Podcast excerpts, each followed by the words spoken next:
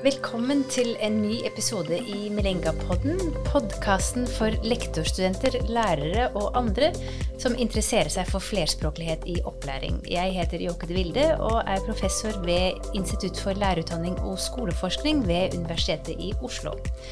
Dagens eh, Milenga-episode handler om lærere med minoritetsbakgrunn. Og det er lærere som jobber som morsmålslærere og tospråklige lærere for nyankomne elever og nå i økende grad også som faglærere i ordinære klasserom. For å snakke om det og mye mer har jeg med meg to gjester, og det er Arlinda Gashi og Umran Dede. Velkommen til dere. Takk. Dere har flere ting til felles, eh, og nå skal jeg bare ramse dem opp, og så kan vi gå i dybden etter hvert. Dere har begge levert masteroppgave på Milenga-programmet om bl.a. lærere med minoritetsbakgrunn. Arlinda, du i norsk didaktikk nå helt nylig, eh, og Umran, du i samarbeid med Bliona Yahiri i samfunnsfagdidaktikk i 2020, der dere også var opptatt av hvordan tyrkisk- og albansktalende elever bruker hele sitt repertoar for å lære begreper i samfunnsfag. Ja. Dere er begge to født i Norge um, og har gått i norsk skole, men så har dere foreldre uh, som har innvandra til Norge. Dine er Linda fra Kosovo og Umran Dine fra Tyrkia. Ja. Um, et litt stort spørsmål, men hvis dere nå tenker tilbake til um, både barndom og til skolegangen, hvilken betydning har albansk hatt for deg, Arlinda, og tyrkisk for deg, Umran? Mm, ja. Eh, jeg har jo eh, opplevd albansk som en eh, ressurs, særlig de tidlige skoleårene mine. Vi brukte det mye hjemme når vi skulle jobbe med leksene sammen, f.eks. Og også i andre situasjoner og relasjoner med an, altså annen familie og venner. Og det har som sagt da opplevd som en ressurs fordi jeg har kunnet kommunisere på den måten jeg på en måte da har identifisert meg med, da eh, sammen med mine foreldre og venner og annen familie.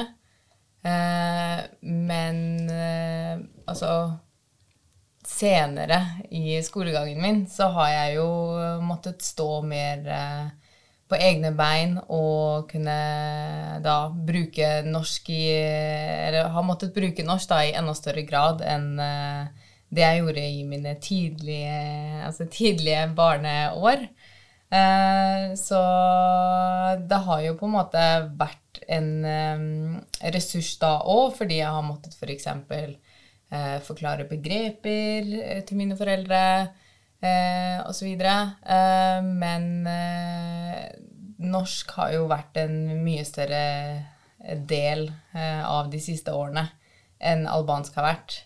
men likevel så har jeg jo selv prøvd å være mer bevisst eh, på min bruk av albansk, og prøvd å bruke det i større grad når jeg har muligheten til det, bare for å kunne opprettholde og ja, føle på identiteten min da, eh, i enda større grad, fordi albansk er jo en stor del av min identitet, og vil jo på en måte kunne bruke det eh, og lære det bort uh, i den grad jeg kan.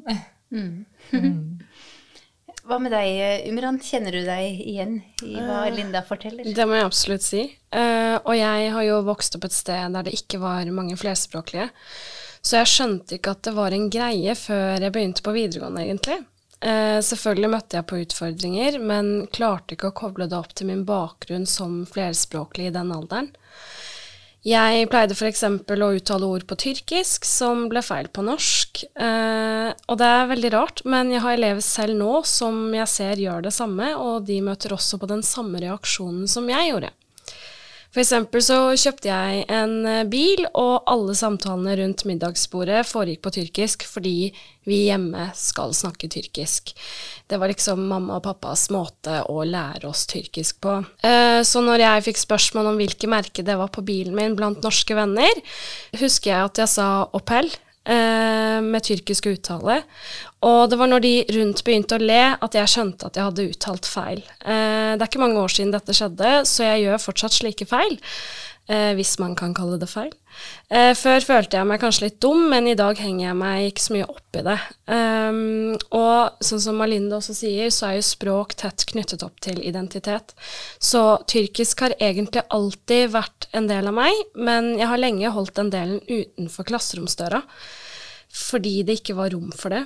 Uh, etter hvert på videregående begynte jeg å bruke tyrkisk mer aktivt som en læringsstrategi, og når jeg ikke forsto et begrep, eller når jeg ville ha mer påfyll om et tema um, Jeg kan kalle det en læringsstrategi nå, uh, men det var jeg ikke bevisst over da. Det skjønte jeg vel etter hvert i løpet av studiene, å kunne sette ord på det jeg hadde vært gjennom. Mm. Og dere har jo begge to brukt den um, komplekse bakgrunnen deres um, i masteroppgavearbeidet, og det er jeg jo veldig glad for.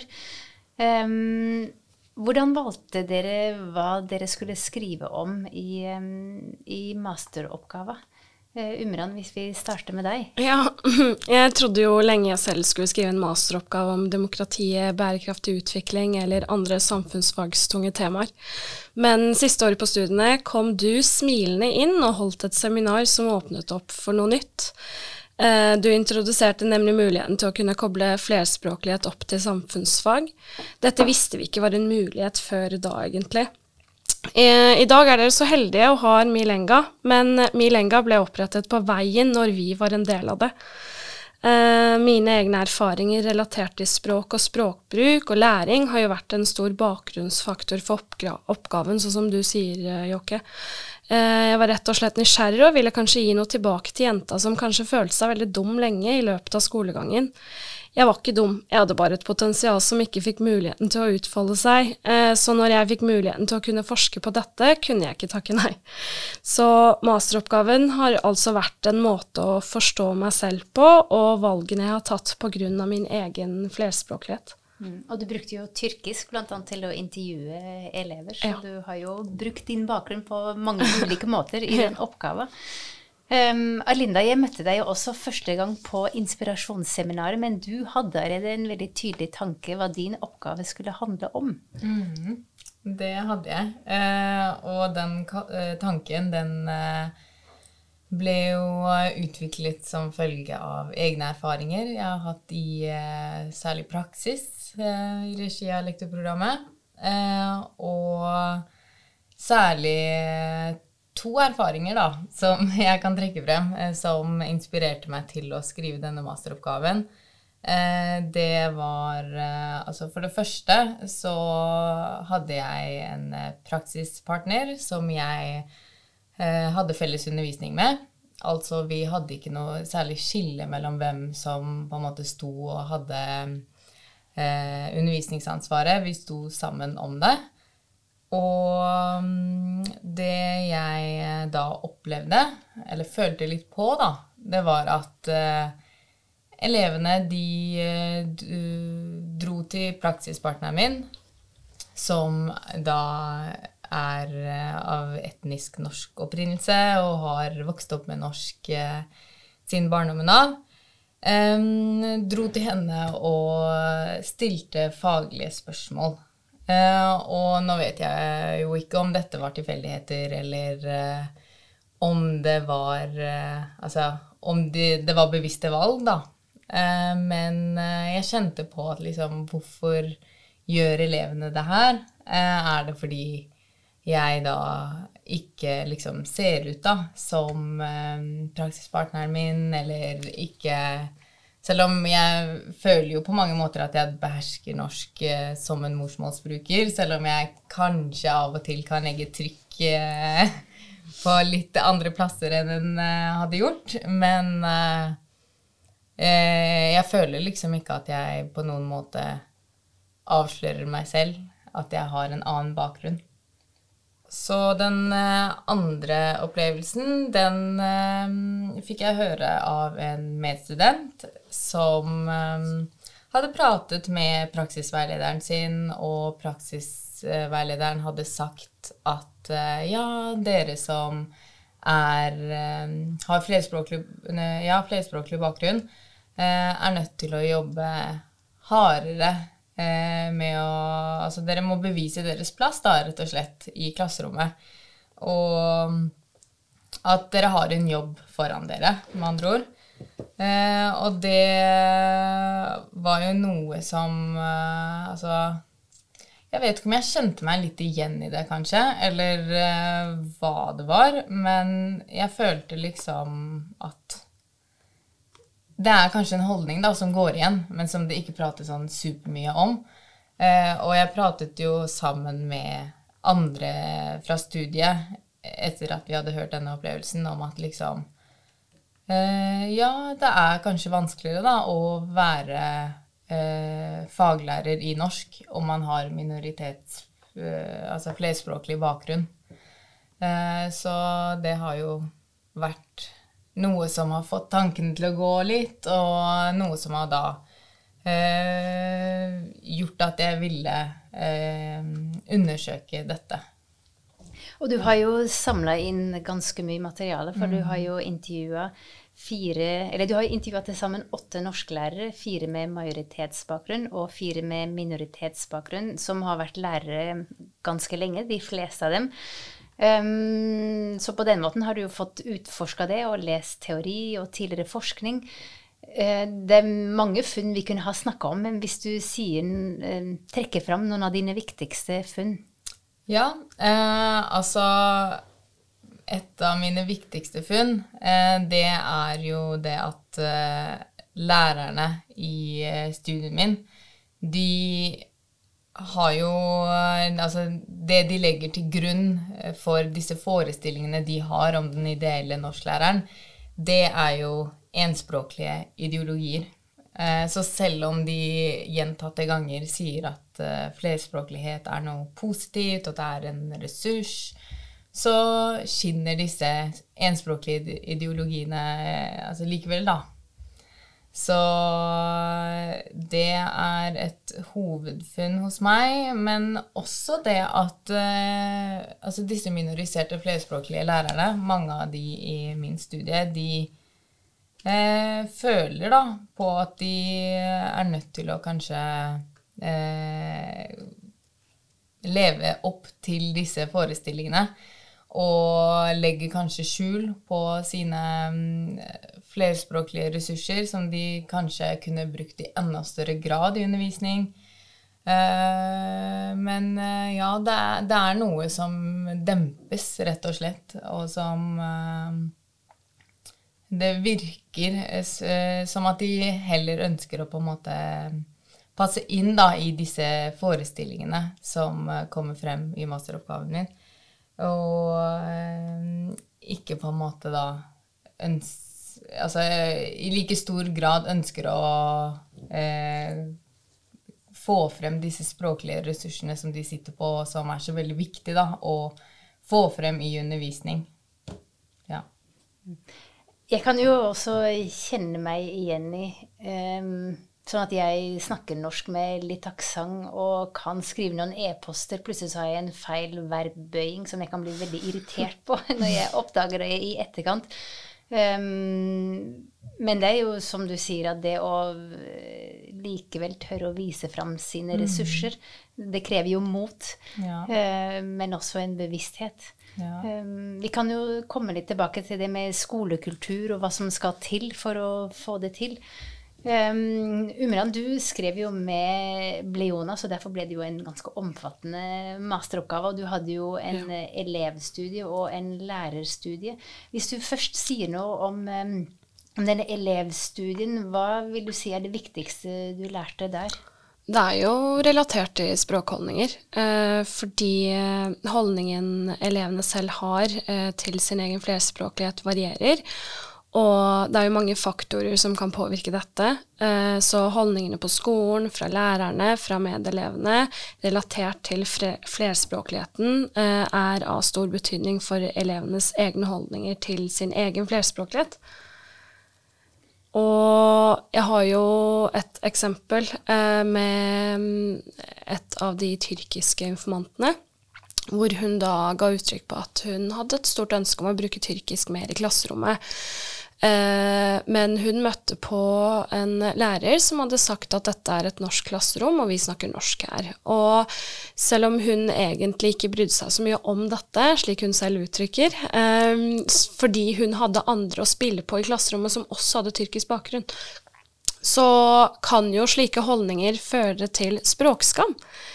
Eh, og da ta den muligheten fra elevene eh, når det gjelder det å styre sin egen flerspråklighet, om de ønsker å bruke det som ressurs eller ikke, og i hvilken grad de ønsker å bruke det, eh, blir påvirket av disse holdningene.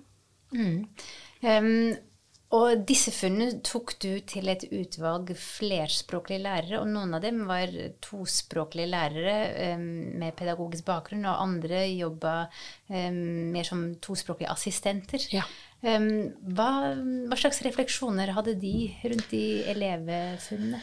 Igjen så uh, Hvordan vi kan hjelpe elevene når det gjelder flerspråklighet, og om vi skal bruke det. Uh, selvfølgelig er det en ressurs, men det må gå uh, ut ifra elevenes premisser. Fordi eh, Vi har jo også kalt masteroppgaven for 'Du bygger hus med taket først'. og Det kommer av at eh, elevene har ulik språkbakgrunn og har utviklet det i ulik grad og klarer å bruke det i ulik grad i skolegangen sin.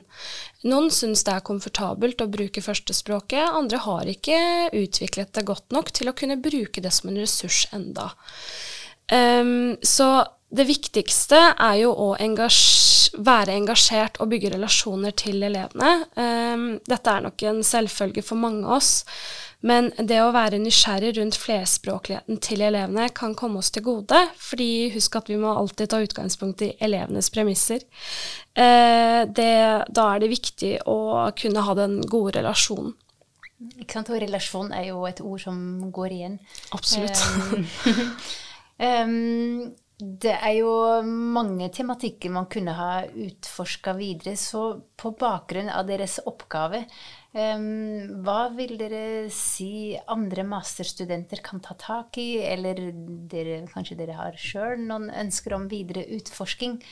Um, hva tenker dere om det? Um, vi vet jo at de flerspråklige lærerne, altså vi, er jo en stor ressurs. Uh, men hvordan er det i praksis, synes jeg vi gjerne kunne undersøke mer, sånn som du også nevner, Alinda. Uh, det er jo ikke like lett å bruke den uh, kunnskapen. jeg selv lurer veldig på det, og jeg føler på et ansvar i klasserommet. det er ikke alltid jeg får gjort alt jeg selv ønsker. Det er mange faktorer inne i bildet i arbeidslivet. Um, jeg vet hvor viktig det er å fremme en positiv holdning til flerspråklighet, så det føler jeg at jeg får til på en god måte. Men hvordan få elevene til å bli nysgjerrige og engasjerte til å utvikle mer selv på egen hånd? Uh, hvis jeg skal være ærlig, så syns jeg selv det er uh, vanskelig.